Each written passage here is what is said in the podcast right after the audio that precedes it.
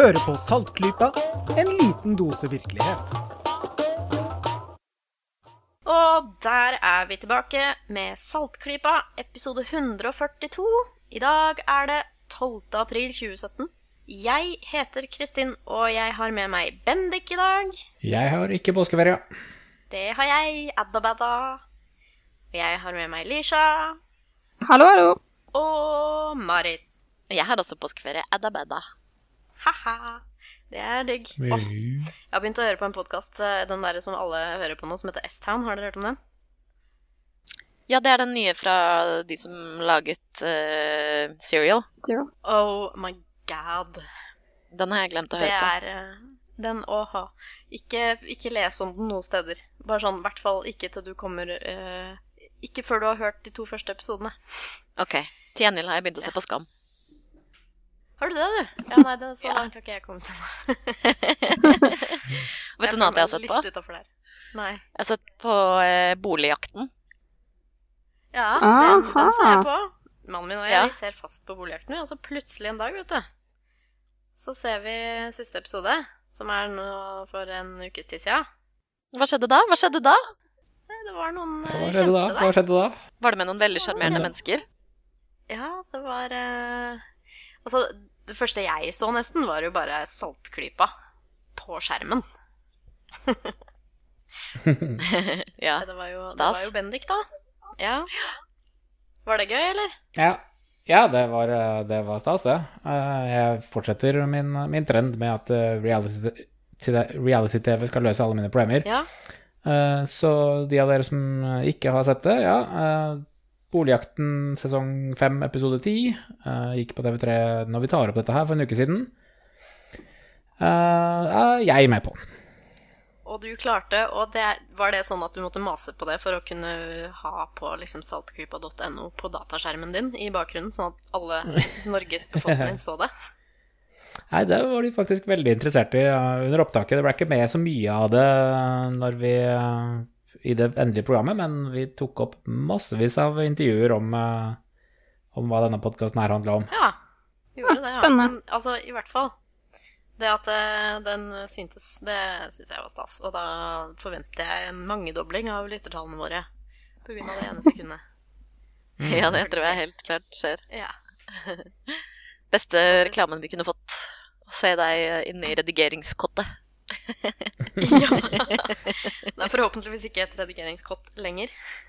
Nei, nå har jeg fått meg et ordentlig kontor. Uh, ja, spoiler alert. Uh, men ja, når vi, når vi bodde der, så var, var kontoret mitt på ca. 1 kvadratmeter. Og jeg husker jeg tok opp en episode av Saltgruppa mens jeg satt inne der, og da klagde alle på at det var et grusomt ekko. Jeg lurer på hvorfor, når det var en Når jeg kunne være i alle fire hjørner av rommet samtidig. Ja. Det var vel fordi du ikke satt med en dyne over deg, eller et eller annet sånt, tenker jeg. Ja. Men, eh, men jo, uh, Boligjakten, siste, siste episode. Ja, og neste Se blir den, eh, eh, Kjendisfarmen, og der ingen Ja, skulle tro at der Lotepus, kunne bli han, eh, han kommer til å gi bank i 'Mesternes mester', altså, det er jeg sikker på. fantastisk. Skal vi ha litt eh, podkast, folkens? Ja, la oss gjøre det. Ja, vi gjør det.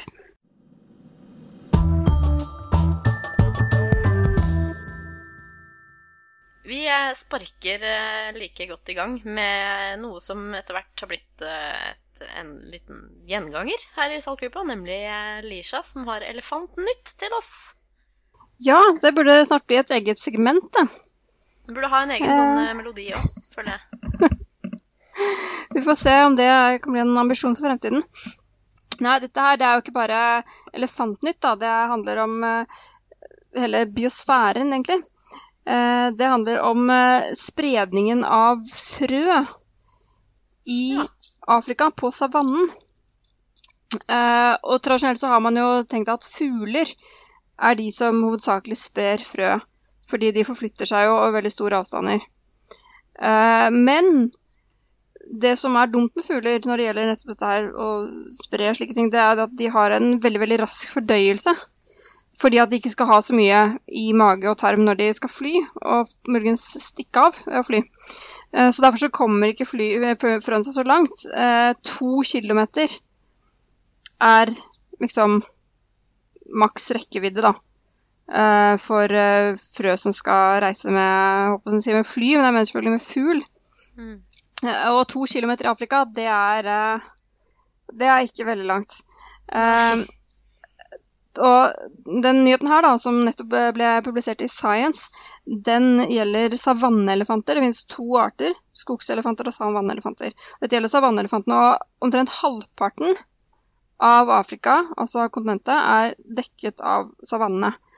Og da snakker vi om et område som er halvannen gang, om jeg ikke tar feil, så stor som hele Europa, medregnet den, den europeiske delen av Russland, som vi som vet er verdens største land. Så det er ganske Det er et temmelig digert område.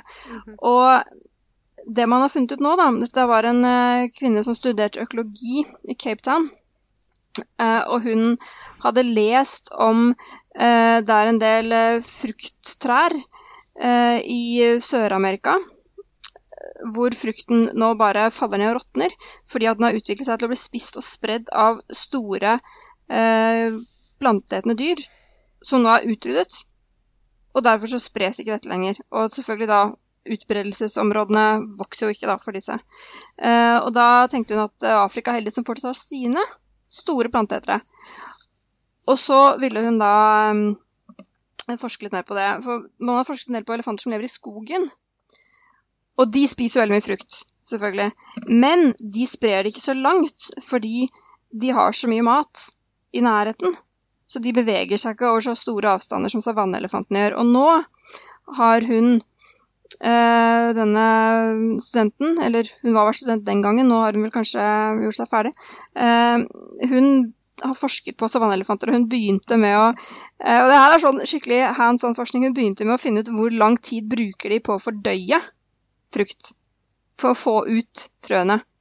Eh, de har jo 20 meter eh, med tarm som dette skal bevege seg gjennom.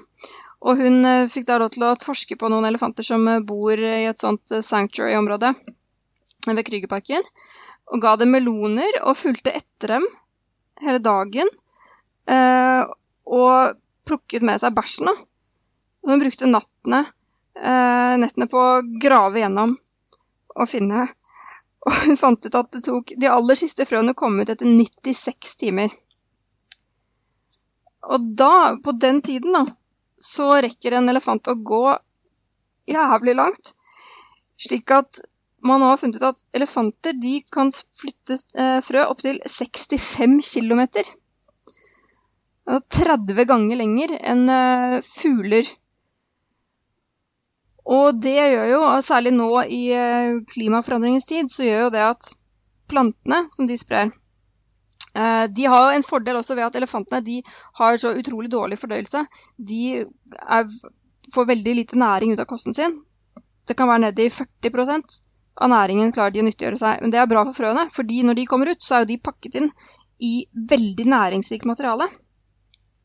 Eh, og de har den fordelen at siden de spre, kan spre seg utover veldig store områder. Så hvis det opprinnelige leveområdet for disse plantene da, når klimaet forandrer seg, ikke blir gjestmildt si, nok til at de kan leve der, så har de fått spredd frøene sine til helt andre områder. Eh, og det gjør jo også at du får en veldig godt eh, spredning av genene, slik at hvis det skulle komme sykdom da, på plantene, så har forhåpentligvis noen andre populasjoner utviklet seg til å kunne motstå de, fordi de har vokst opp og utviklet seg under helt andre forhold. Eh, så dette her er da en, eh, en meget eh, interessant forskning, syns jeg. Det handler ikke bare om elefanter, det handler om hele biosfæren. Og dette her viser at elefanter er veldig sentrale for at savanne både floraen og for så vidt faunaen, for det er klart at det er mange andre dyr som lever av disse plantene som vokser opp. Eh, så nå går det forhåpentligvis litt bedre for elefantene, og de blir kanskje reddet. Og jeg tror at hvis de ikke blir det, så kommer man til å se effekter av det som eh, er veldig uheldig. Så vi får håpe vi slipper å finne ut av det, men dette er i hvert fall eh,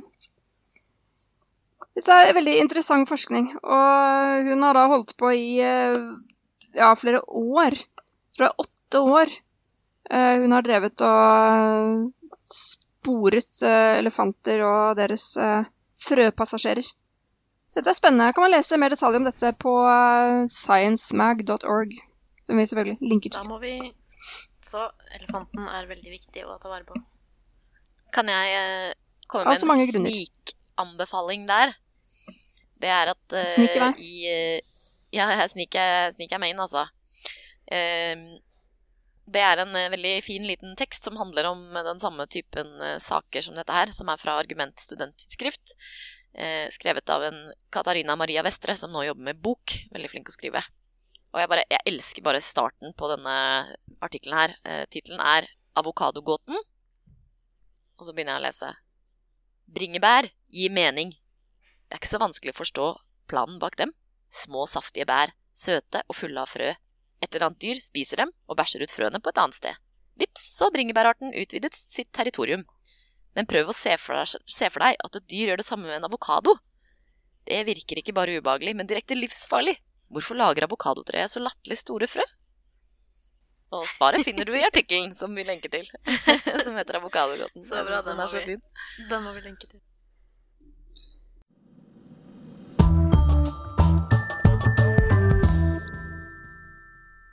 OK. Jeg tenkte um, vi skulle snakke litt om eh, Hva skal jeg si?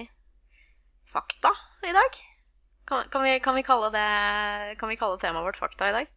Bare lurte litt på um, Jeg tror de fleste av oss har fått med det at uh, vår alles kjære ene sanne søkemotor Google har jo rullet ut en sånn uh, ny faktasjekk-algoritme. Har dere hørt om den? Google fact check. Ja, jeg så det nevnt i en, uh, i en uh, nyhetsoppdatering en gang at uh, at en skal begynne å, å prøve å, å faktasjekke nyheter.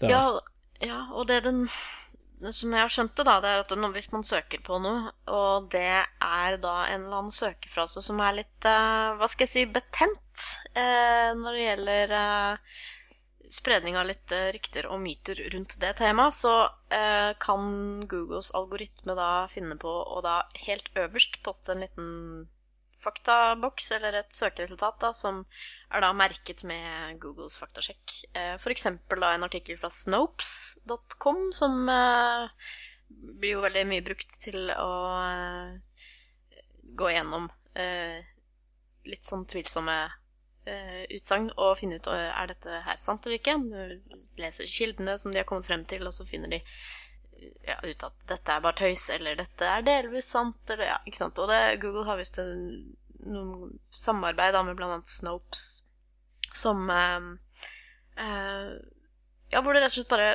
kommer opp øverst i eh, søkeresultatene. Sånn som en eh, artikkel her fra USA Today, hvor de har prøvd ut denne her, da, så har de prøvd ut forskjellige fraser. Eh, for eksempel eh, litt sånne politiske eh, utsagn, da. Eh, veldig, veldig, veldig relevant eh, nå. Eh, ja, vi har snakka om det postfaktuelle samfunnet før. Etter Trump og alt det der, så har de prøvd å søke da 30 million undocumented immigrants, eksempel. Eh, skal visstnok da bringe opp denne her eh, faktasjekk-snippeten, da, som de kaller det.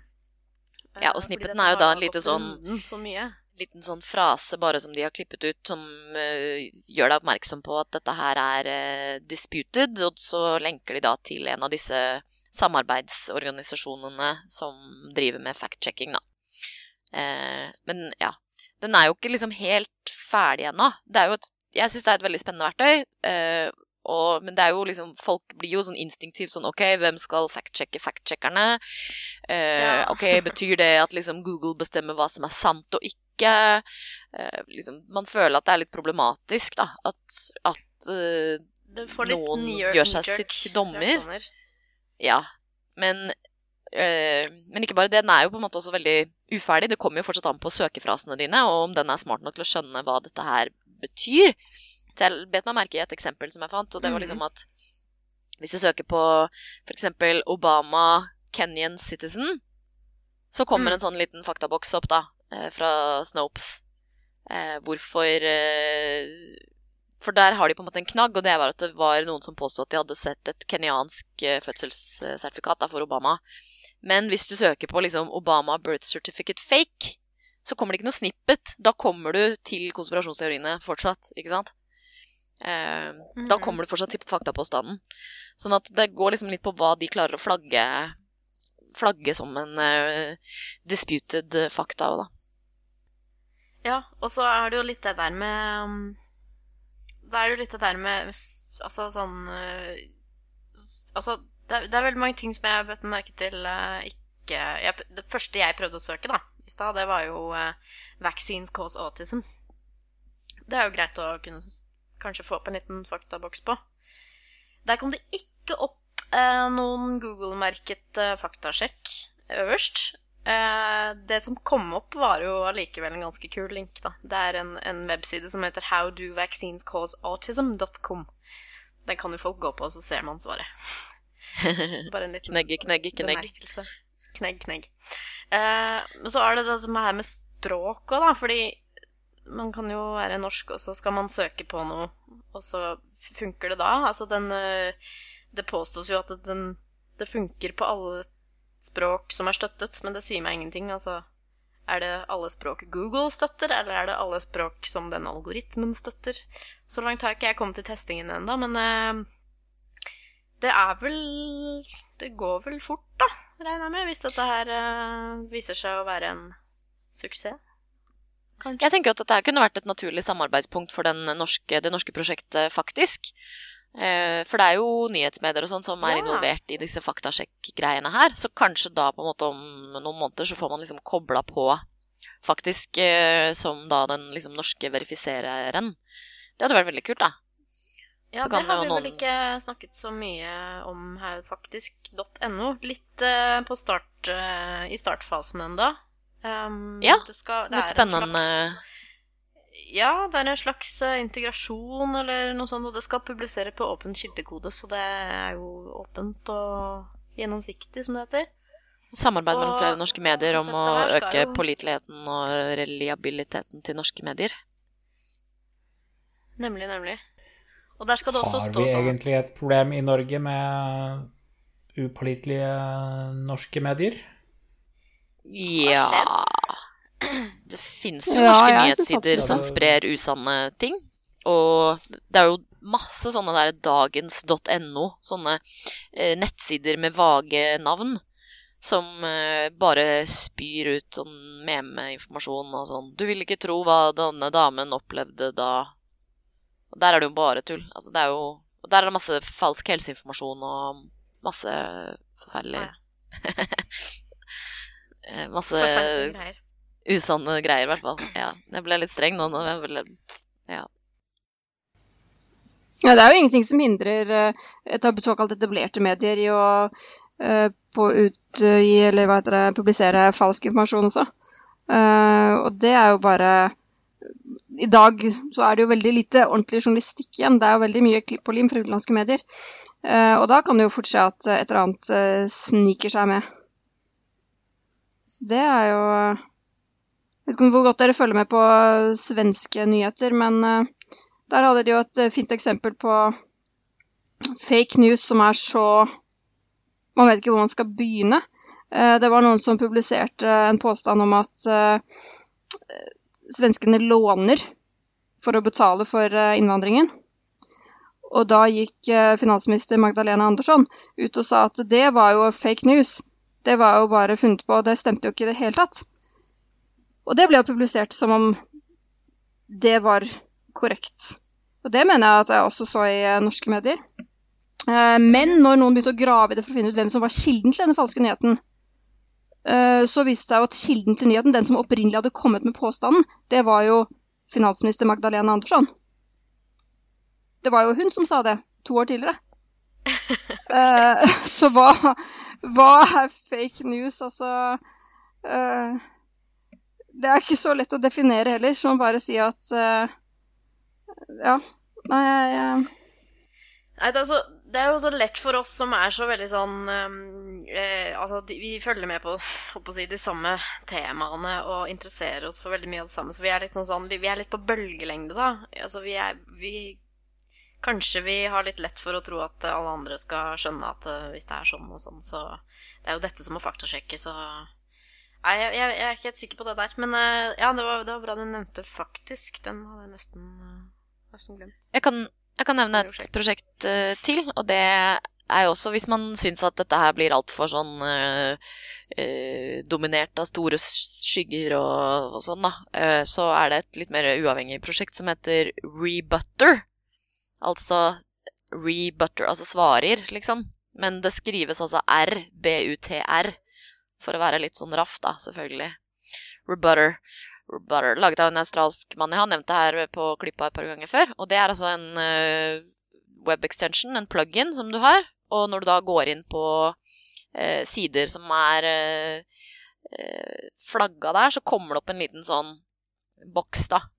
og det som den prøver å gjøre, er jo da å lenke kritikken av den siden du er inne på, med svaret. Sånn at når du da liksom går inn på nyhetsspeilet, så kan du f.eks. få opp der sånn pop-up sånn Hei, skepsis.no har skrevet et svar til dette. Vil du lese svaret til skepsis.no? Så blir det lenka, ja. sånn at du kan liksom Pop! Ja, Så det er også et veldig spennende prosjekt. Litt annerledes. Uh... Ja, det har jo holdt på noen år også. Ja, og det holder liksom koken, altså. Så, så det er jo mm. veldig kult.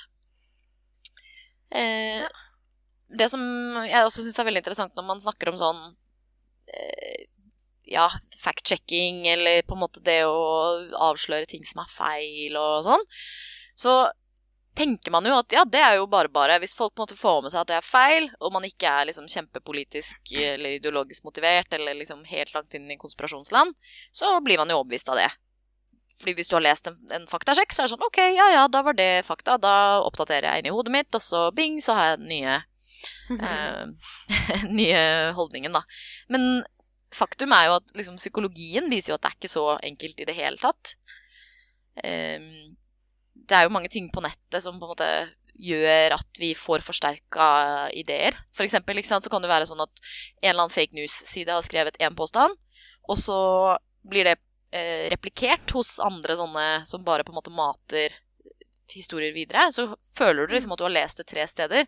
Men egentlig så er det jo på en måte bare én sak. Det er jo ikke liksom uavhengige kilder, uavhengige nettsider som har rapportert om en ting. Men hodet ditt skjønner jo ikke det. ikke sant? Hodet ditt bare sånn Oi, jeg er veldig kjent med denne påstanden, for den har jeg lest mange steder, så da er den pålitelig. Og det gjelder jo også litt grann når du skal prøve å liksom eh, avsløre noe, eller liksom avfeie noe, da. At eh, du, du, tenker at Jeg kan jo si hva myten er, eh, og så svare med faktaene.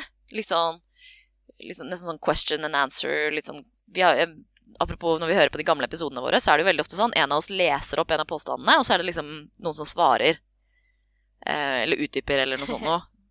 Og det er jo egentlig sånn psykologisk så er det helt feil.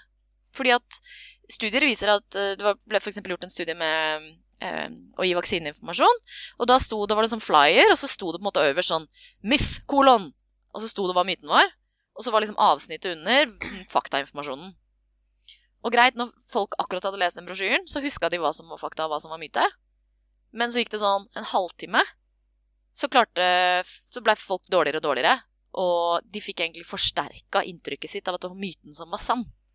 Fordi det er den du har hørt flest ganger. Det var den som liksom var overskriften. Det var den som på en måte klistra seg inn i hjernen din. da. Så det er noe man må være obs på når man skal det er... Ja, det er ganske skremmende, egentlig. Eh, det man må gjøre du må jo, Noen ganger så må du jo liksom si hva myten er. Det er ikke noe gøyalt å skrive en artikkel om uh, månelandingen eh, for å forklare at jo, det skjedde, uten å si at det er noen som tror at dette ikke skjedde. Du må jo ofte liksom nevne myten. Nettopp. Ja, nei, Jeg skulle bare nevne det at uh, det der Jeg tror det er noe med at det du hører som skiller seg litt ut, liksom som blir kanskje f.eks. påpekt, da, det uh, fester seg. Og jeg driver med postcrossing. Uh, hvor du sender postkort til fremmede og får postkort fra andre fremmede. og Der skriver du på profilen din hva du ønsker deg. ikke sant? Så er det veldig mye diskusjon da, blant disse som driver med dette. Er, hvordan er det lurt å formulere profilen sin? For noen skriver jo jeg vil ikke ha ikke sant? Og det er det mange som sier at det bør du ikke skrive. Delvis så høres det litt kjipt ut, men det mange har opplevd, er at hvis de plutselig på en måte eh, ikke har hatt, da. En sånn motsatt ønskeliste, ting de ikke vil ha. Og så legger de det inn. At 'please do not send'. Ikke sant? Eh, religiøst eh, Whatever. Slanger. Eh, eh, hva det kan være. Samme ting. Og så begynner de å få de tingene. Og Det er jo sånn der, ikke tenk på en rosa elefant. Men det handler om at de ser det. Ja, altså De handler om at de så at det sto på profilen. Så går de i postkortstæsjet, skal finne et kort, så bare Å, det står jo på profilen. Og det har jeg hørt så mange fortelle om at når de skriver at de ikke vil ha det, da begynner de å få de tingene. Så det er noe med at det du bare Du hører det eller leser det, og da fester det seg. Akkurat den detaljen. Men omstendighetene, de er det veldig mye vanskeligere å få med seg. Det tror jeg er bare en menneskelig Det er bare litt sånn hjernen fungerer. At vi tar med oss det vi tror er det viktigste, og så ja, var det kanskje ikke det allikevel. Det som, er, eh, det som Marit forteller om eh, at det, det virker mot sin hensikt da, å prøve å overbevise med fakta, det er vel det som heter the, the backfire effect på godt norsk? Er det ikke det? Absolutt. Jo, det er det den heter. Den har liksom litt flere eh, fasetter også. Jeg kom over ganske nylig, eller det er jo et hefte fra mm, 2011 og revidert i 2012 som heter The Debunking Handbook. Som jeg har sittet og kost meg med i det siste. Bare, det var der dette kom fra, dette her med familiarity. Altså det at du gjentar noe nok ganger, så mister du eh, effekten av det. Eller da begynner du å tro på det, rettere sagt. Eh, Så de har jo også løsninger til hvordan du kan sette opp en myteavsløring uten å gjenta myten sånn at det er den som sitter igjen. Da, Ikke sant? da må du på en måte ha Overskriften din må være 'Vaksiner er trygge'. Og så kan du ha litt mer faktainformasjon som underbygger det. Og så kan du si sånn 'Forresten så er det noen som tror at uh, dette ikke er sant'. Og så forsterker du hovedpoenget ditt en gang til. For da får du på en måte anerkjent myten uten å liksom opplyse folk. Dette kommer du til å høre rundt omkring, men da har du på en måte gitt inn tre ganger så mye informasjon om fakta rundt, da. Så det er deres løsning på det her. Eh, Jeg tenkte å nevne et par av de andre tingene som de også påpeker da, når du prøver å, å ja, rette, rette opp i fakta. Eh, En av de er eh, overkill, backfire. Den syns jeg også er ganske morsom. Det er litt sånn derre Si du er forsinka til et sted, og så sier du ja, eh, nei, jeg hadde Jeg sølte melk på skjorta mi, så jeg måtte bytte klær. Og så var bussen for sen. Og så forresten så traff jeg noen på gata. Og så hadde jeg glemt hva klokkeslettet var. Og så hadde jeg skrevet noe feil i boka mi. Hvis du liksom kommer med fem Da skal du være fryktelig sen, da, men på en måte du er ikke så sen. Du er bare sånn ti minutter sen. ikke sant? Sånn, hvorf- hvorfor har du liksom fem grunner til det? Du, kunne, du hadde holdt med én grunn. Du hadde holdt med å si at jeg rakk ikke bussen. Det blir på en måte sånn nesten mistenkelig da, når du hører så mange grunner. Og det kan jo også da backfire, rett og slett, fordi at du høres på en måte mindre pålitelig ut når du eh, Hvis du på en måte har sånn Du har fått én myte, og så har du fått liksom ti svar på det, så høres det bare rart inni hodet ditt, og da sitter du på en måte igjen med myten fordi alt det andre ble så rotete. Da virker det jo som sånn at du prøver å nesten å skremme dem med informasjonen. Sånn, jeg satser på at ikke de leser dette her fordi det er så mye. Jeg satser på at ikke de setter seg inn i det. Så de som har laga denne debunking handbook, de er fra Skeptical Science, som er en veldig god sånn klimavitenskapsressurs. Og de har jo tatt dette her eh, på en god måte, fordi de har på en måte Du kan velge nivået av din forståelse når du vil lese svaret på en myte. Sånn at ikke du på en måte hopper inn i advanced og bare på en måte forkaster hele greia. Eh, fordi det, der gir de jo liksom veldig avansert informasjon. Men du kan liksom lese det på basic, intermediate eller avansert nivå. På de fleste artiklene deres. Veldig kul ting. Eh, og så er det jo det som vi En annen ting som de påpeker, det er jo det som vi Kanskje liksom prima tankefeil som mennesker gjør, som er bekreftelsesskjevhet. Som vi mennesker eh, er nødt til å være klar over at vi gjør. At vi bare eh, Vi bekrefter de tingene vi allerede tror på, og vi avfeier de tingene vi ikke allerede tror på. Men det er så kjent at det tror jeg ikke jeg skal snakke så veldig mye mer om. Men en annen ting som jeg syns var veldig veldig interessant, det er um, det behovet vi har for at hvis du får avfeid en myte, da Hvis jeg på en måte, ok, jeg har en eller annen forklaring inni hodet mitt på et eller annet fenomen, og så blir det liksom stukket hull på den forklaringen, sier å nei, det kunne ikke være sånn. Men hvis jeg ikke får noe å fylle det hullet med da, med en gang, Mm. så syns jeg det er mer tilfredsstillende å, å holde på den forklaringen jeg, synes, den jeg har skjønt at er feilaktig, enn å ikke ha noen forklaring. Så for eksempel, de har gjort et Dumme forsøk da hvor det er Ja, veldig dumme hjerne. De har gjort et forsøk hvor de f.eks. ber folk om å lese eh, en nyhetsrapport fra en brann i et varehus. Og så står det noe om at det var noe eh, maling og sånn som fikk det til å bli ekstra eksplosivt. Og så kommer det da på en måte, så leser man videre i liksom heftet som man har fått hos, av forskerne, og så står det på neste side sånn ah, Korreksjon fra avisen i går. Det var, det var ikke noe maling i de spannene som gjorde at det ble ekstra eksplosivt. Men når du spør folk da litt etterpå, så sier de ja, jeg vet ikke, men det var jo kanskje noe maling, da. Det var jo sikkert det, liksom, selv om det ikke sto der. Og, så folk bare hang seg helt opp i det.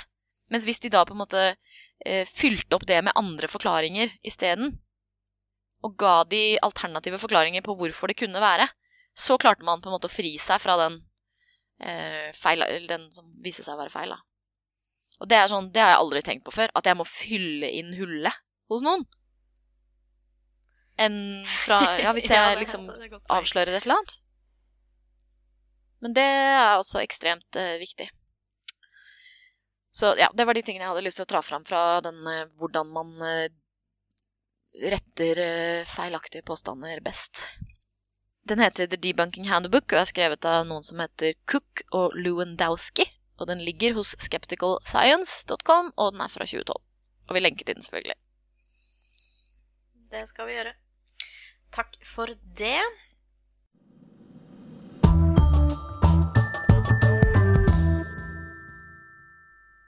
Da går vi over til eh, noe vi har lyst til å snakke om, fordi det er eh, noe som er nært forestående. Eh, verden i dag den går som sagt rett vest. Eh, du kan ikke stole på noen ting lenger. Ingenting er sant. Alle ljuger i avisene. Alle politikere er eh, ikke politikere lenger. Og Eksperter er, er ikke eksperter. Og det er egentlig ganske viktig. eksperter er ikke eksperter. Ehm, så vi eh, Sånn som i kjølvannet av eh, da Trump ble president i USA, eksempel, så var det jo en hel flodbølge av eh, folk som marsjerte i gatene, og de kalte det for eh, Women's March. Selvfølgelig da på bakgrunn av visse ting han har sagt, visse holdninger han har. Og det var jo en helt Jeg tror ikke han likte å innrømme hvor mange det var som gikk der. Også over hele verden. Eh, noe annet da som uh, folk ble inspirert av eh, uh, etterkant av denne her marsjen, da, det var jo da vi som er Eller de som er glad i kunnskap og fakta om verden rundt oss, nemlig vitenskapsfolk. Og de hadde lyst til å starte en en science march. Og den ser det veldig mye ut til at det blir noe av. Eh, det er faktisk da Nå er det 12. april når vi spiller inn dette. Dette skal skje den 22. april. Det er en lørdag. Eh, og det skal Det er i altså Oslo, men det kommer vel i andre er byer også. Ja, det tror jeg det skal være. Eh, Du kan gå inn på marchforsciencenorway.com for å se detaljene krype frem, og diverse Facebook-arrangementer eh, om lokale Da kan jeg Ja. nevne at eh, det står eh, som en av de første setningene på nettsiden at det er i Oslo, Tromsø, Trondheim, Bergen og Bodø. Der kan du se. Der kan du se. Eh, Så greit nok. Eh, Det er kult for oss eh, som heier på vitenskapen og sånn, men eh, hva er det det egentlig marsjeres for? Hva, hva slags paroler har man liksom valgt seg ut? Det har jeg lurt litt på. Eh, det er jo masse. Altså science, da. Begrepet science det rommer jo ikke bare litt. Det er jo et svært prosjekt. Så det gjør jo at når man skal marsjere for det, så blir folk kanskje litt forvirra. For det er jo så mange fasettert, og det er mange forskjellige prioriteringer å gjøre. Eh, og ja eh, Vitenskapsskribenten Ed Young, som jobber for Atlantic akkurat nå, han har eh, snopa litt rundt på nettsider og Facebook-grupper og bare sett på, på hva, hva er det som dukker opp her. Hva er det folk sier at denne marsjen er for? Og det er ganske mange forskjellige ting, egentlig. Det er ikke bare sånn vi støtter vitenskap, punktum. Det kan f.eks. være eh, å fremme investeringer i vitenskapelige prosjekter. Det kan være at, liksom, at staten skal Robust federal funding, som de kaller det. Altså staten skal betale for det. Det kan være å støtte vitenskap som gir oss innsikt i verden, eller som uh, støtter gode saker. Og det er for meg liksom, det er litt sånn vagt. Det er litt sånn Her trenger vi å ha en marsj på en måte for det. Uh, å feire en, en ja. uh, person for vitenskap. ja, Um, de, de, for meg da, så er kanskje det som er viktigst her, det er jo Altså rundt, rundt denne marsjen så har det dukket opp en stor debatt. Er eh, vitenskap politisk? Og for meg så er det liksom kanskje det viktigste budskapet i marsjen at nei, det er ikke det. Men det er jo derfra behovet for marsjen kommer. fordi at akkurat nå så er det et inntrykk i verden av at vitenskap er politisk. ikke sant? I USA spesielt så er jo det tilfellet. Det er jo kanskje til en viss grad her også, da, med klimadiskusjoner og oljeutlysninger eller felt, oljefeltutlysninger og sånn. Konsesjonsrunder. At eh, vitenskapelige funn blir jo eh, surra inn i politiske budskap og løsninger. Og da spesielt da i USA, ikke sant? hvor uh, Environmental Protection Agency eh, bryter med praksisen fra forrige leder, og eh, kullindustrien skal fortsette, og klimaendringene der er jo ekstremt partisan, veldig sånn partiinndelt. Um, ja, så der, der, er jo på en måte Vitenskapen har jo blitt lagt på linja som en, en politisk sak. Og det er jo det som som jeg syns kanskje at vi må protestere mot. Det jeg uh, tenker jo det at uh, jeg syns vitenskap både er politisk og ikke politisk. Det er litt sånn vanskelig å forklare. Fordi den vitenskapelige eh, prosess i seg selv tåler jo ikke å være politisk. Den, hvis den er det, så får vi jo ikke ja, de objektive faktaene og kunnskapen om verden som vi ser etter, eh, selvfølgelig. Men samtidig så er det jo veldig viktig å skjønne det. Altså, ok, kanskje å skille mellom, da. Eh, denne her eh, delen av vitenskapen som kanskje ikke alle har innblikk i. Bortsett fra de som driver med vitenskap, og studerer vitenskap, kanskje. Og den biten som folk ser, da, nemlig det som Og det er et ord som jeg aldri pleier å bruke i dagligtale, men den diskursen rundt vitenskap. Og det har jo liksom med eh, ja, formidling og fortellingen om vitenskap i hverdagen. Og da igjen da hvordan politikere eh, tar for seg det som vitenskapen eh, snakker om. Og det er sånn der, da er da spørsmålet hvordan eh, Det kunne jo vært en parole, da. Hvordan skal vi liksom Hvordan skal vi takle det? og da tenkte jeg dere har alle svarene på det. Men det er jo ikke til å komme fra. altså Vitenskapen har jo eh, eh, attributter og masse samhandling og sånn med andre deler av verden. Og det, sånn må det jo bare være. Eh, eksempel så vil jo alltid, sant, sånn som, sånn som forskningen i Norge styres da, gjennom Forskningsrådet. Forskningsrådet kommer jo ikke med noen politiske dekreter om hva som er innafor og utafor, men de har jo en kjempestor pengesekk som de putter inn i forskjellige forskningsprogrammer.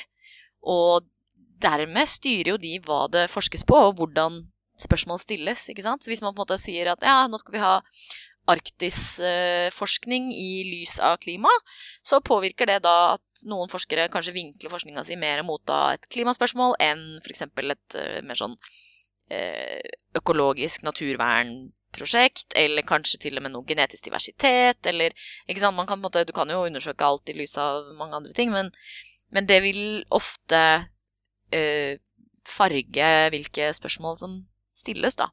Så vitenskapen er jo en prosess som gjøres av mennesker. Men uh, det er jo det at det er jo liksom noe som har mange komponenter, mange bestanddeler. Og selv om hvert individ er litt skjevt og Eh, individuelle prosjekter kan på en måte stille spørsmål som er litt skjeve, man kan ha på en måte noe for øyet, så er jo den treige internasjonale kvernende prosessen noe som har så mange bestanddeler at du på en måte får sånn mosaikkbilde, ikke sant? Som faktisk gir noe som er Mhm. pålitelig på et overordna nivå, da. Litt sånn eh, emergent.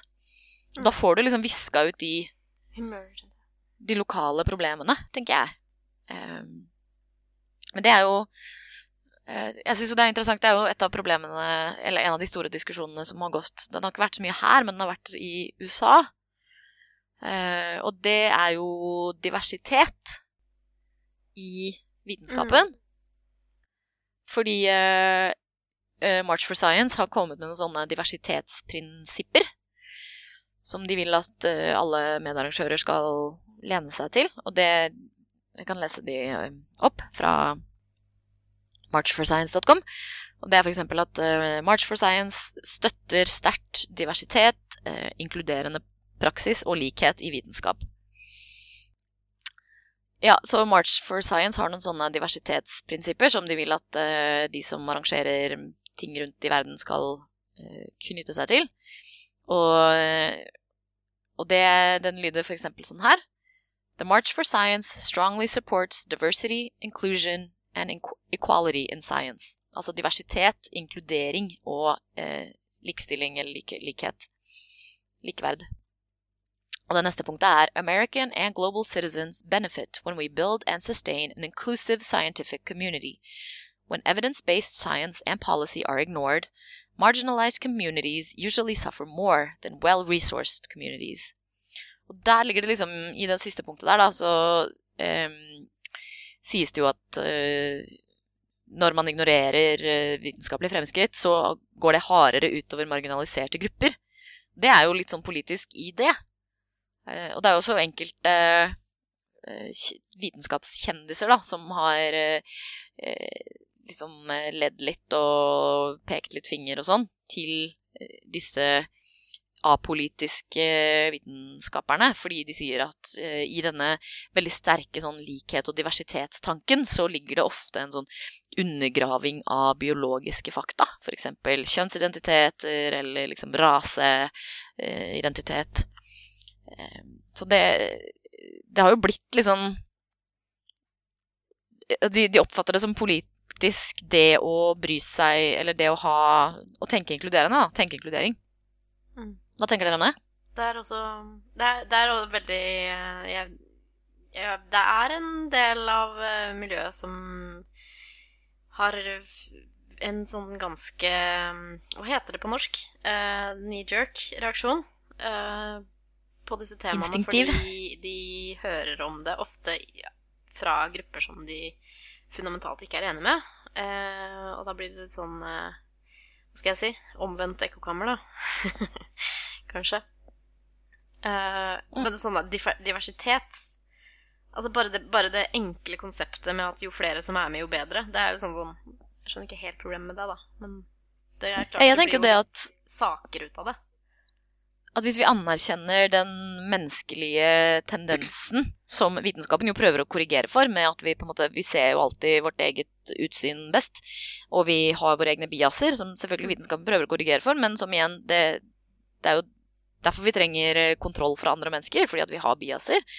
Så vil jo alle ulike standpunkter også bidra til å få en diversitet i synspunkter. Da sånn at du på en måte, ja, du får den mosaikken da, av liksom hvor hver lille stein bidrar til et større bilde. Men eh, ja. Mm. Ja, så skal vi så eh, Så skal vi marsjere, da. Skal du marsjere? Jeg skal eh, holde appell, Ja, det skal du. så skal jeg marsjere. Det er bra. Men er det liksom eh, hva, syns, altså, hva syns dere? Det er jo, altså, vitenskap er jo veldig Det har jeg allerede sagt det, at det er veldig sånn Det er ikke så punk, på en måte. Altså, det er ikke så opprørsk med vitenskap. det er ikke noe pussyhats. liksom, og, nei, altså, jeg vet ikke. Man kan, man kan Det er mange morsomme eh, sånne plakater og memes man kan lage eh, på det man, de fanene man bærer og sånn, kanskje. Men eh, er det liksom Er marsj, liksom Er det en sånn virkemiddel som kan eh, bidra til at eh, hele verden blir smartere og holder kunnskap høyest? Tror dere? Jeg personlig er nå litt sånn whatever på de fleste marsjer. Uh, som en person som tilbringer ganske mye tid nede i sentrum, så ser jeg marsjer for ganske mange forskjellige temaer og, og formål. Gå nedover Karl Johan rett som det er, og, og, jeg har egentlig aldri brydd meg om noen av dem. Apatiske kyniker. Spørsmålet er vel om uh... Ja. ja. Spørsmålet er vel om uh... styresmaktene i verden om uh, ser det. For det er jo en sånn greie Hvor mange kan vi være? Hvor oppsiktsvekkende kan vi gjøre dette her? Hvor eh, Ja, jeg tenker liksom at mye av poenget- Ja. Ja, jeg tenker liksom at mye av poenget her er bare å vise at uh, ikke alle er helt inne i den relativistiske eh, fake news-bobla. At uh, dette er noe som mange folk skjønner. Er Man skjønner at vitenskapen er rotete og, og bare kverner seg fremover, som jeg liker å si. Og ja, det å på en måte få, par, få noen folk ut i gatene for å heie på det, og ikke bare folk i labfrakk, det syns jeg er kjempefint. Fordi det viser jo også liksom hvor landet ligger. eh, At folk, eh, folk skjønner dette her, og at dette er noe som har støtte. Altså at vitenskapelige prosjekter, vitenskapelig tenkning, har eh, støtte, og at folk Ja, jeg vil heie på Jeg håper at folk skjønner at det også betyr at den ikke nødvendigvis er partisk. Ja, men det vi, vi skal nå i hvert fall prøve Jeg får se om jeg klarer å komme meg inn til Oslo, fordi jeg Jeg syns det er litt stas med sånne marsjer. Det er bra vi er forskjellige her i Saltgruppa-redaksjonen. Jeg syns det er litt stas. eh, og alt som er med på å heie på ting som er viktige for uh, håper å si framgangen i verden, er bra. Eh, og så får vi eh, velge om vi vil være politiske med det eller ikke. Det var altså da 22. april. I en by nær deg, forhåpentligvis.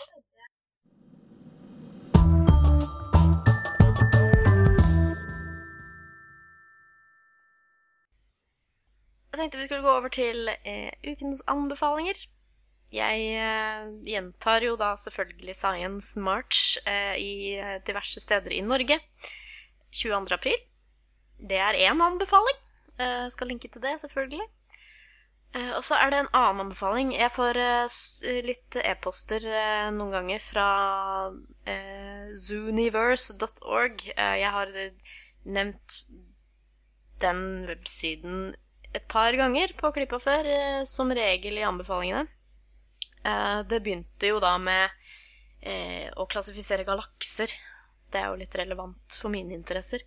Og dette er jo da et, eh, blitt et enormt prosjekt eh, hvor, som tar for seg eh, Ja, som sagt, det begynte med litt sånn astronomirelaterte ting, og så begynte det med å ta for seg litt jordovervåkning, litt tellinger i diverse biologi, altså vær, klima.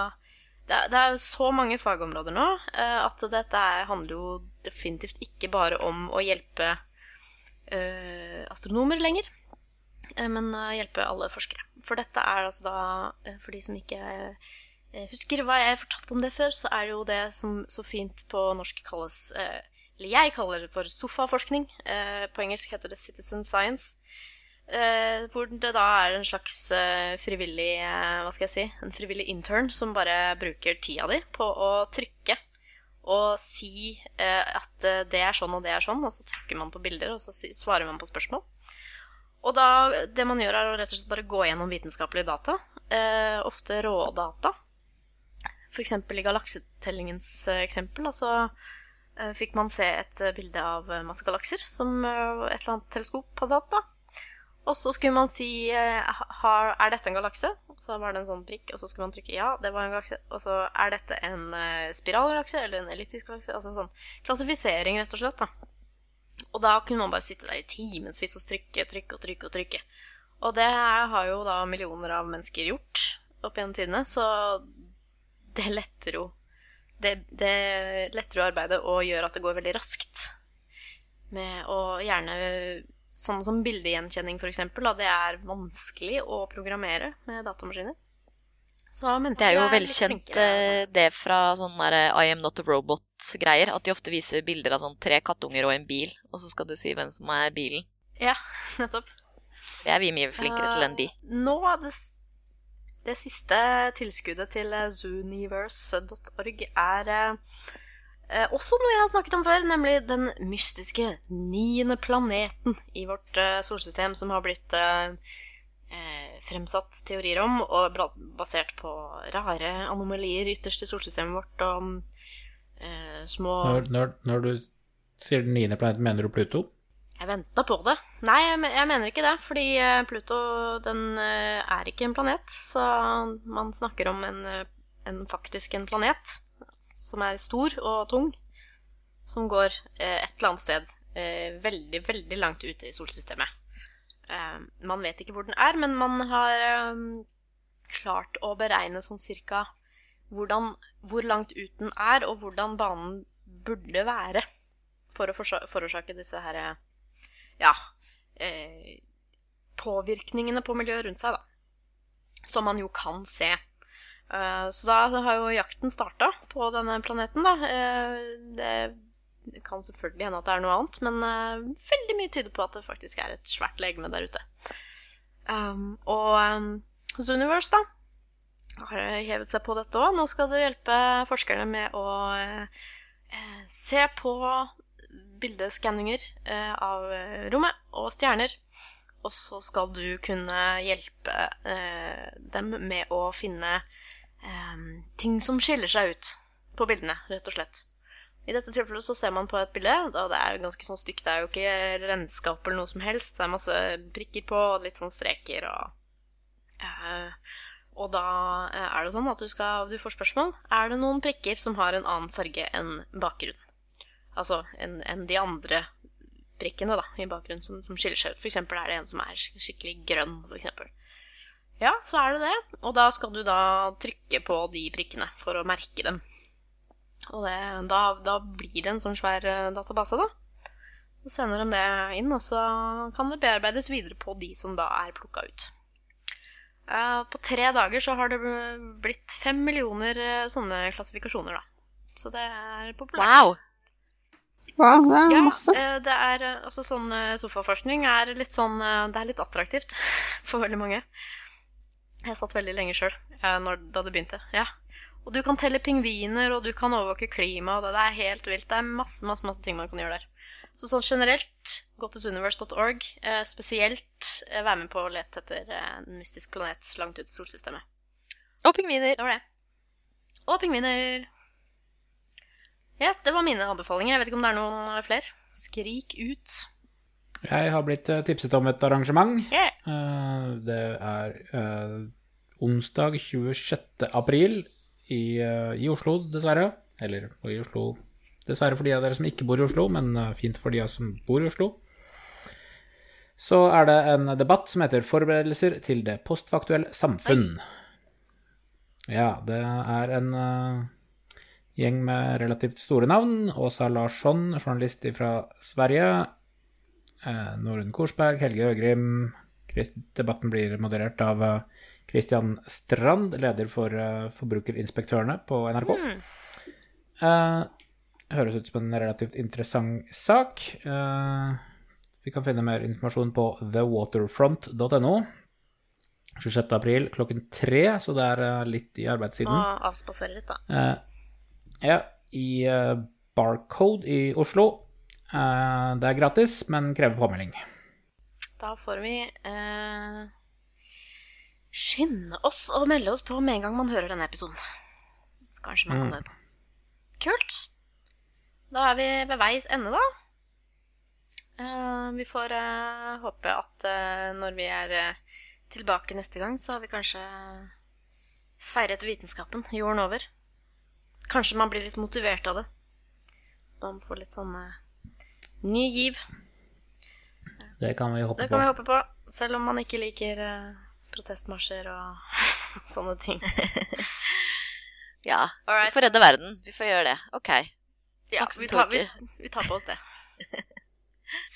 I mellomtiden så har vi podkast, vet du. Vi får gjøre oss best, Ja. vårt beste her også.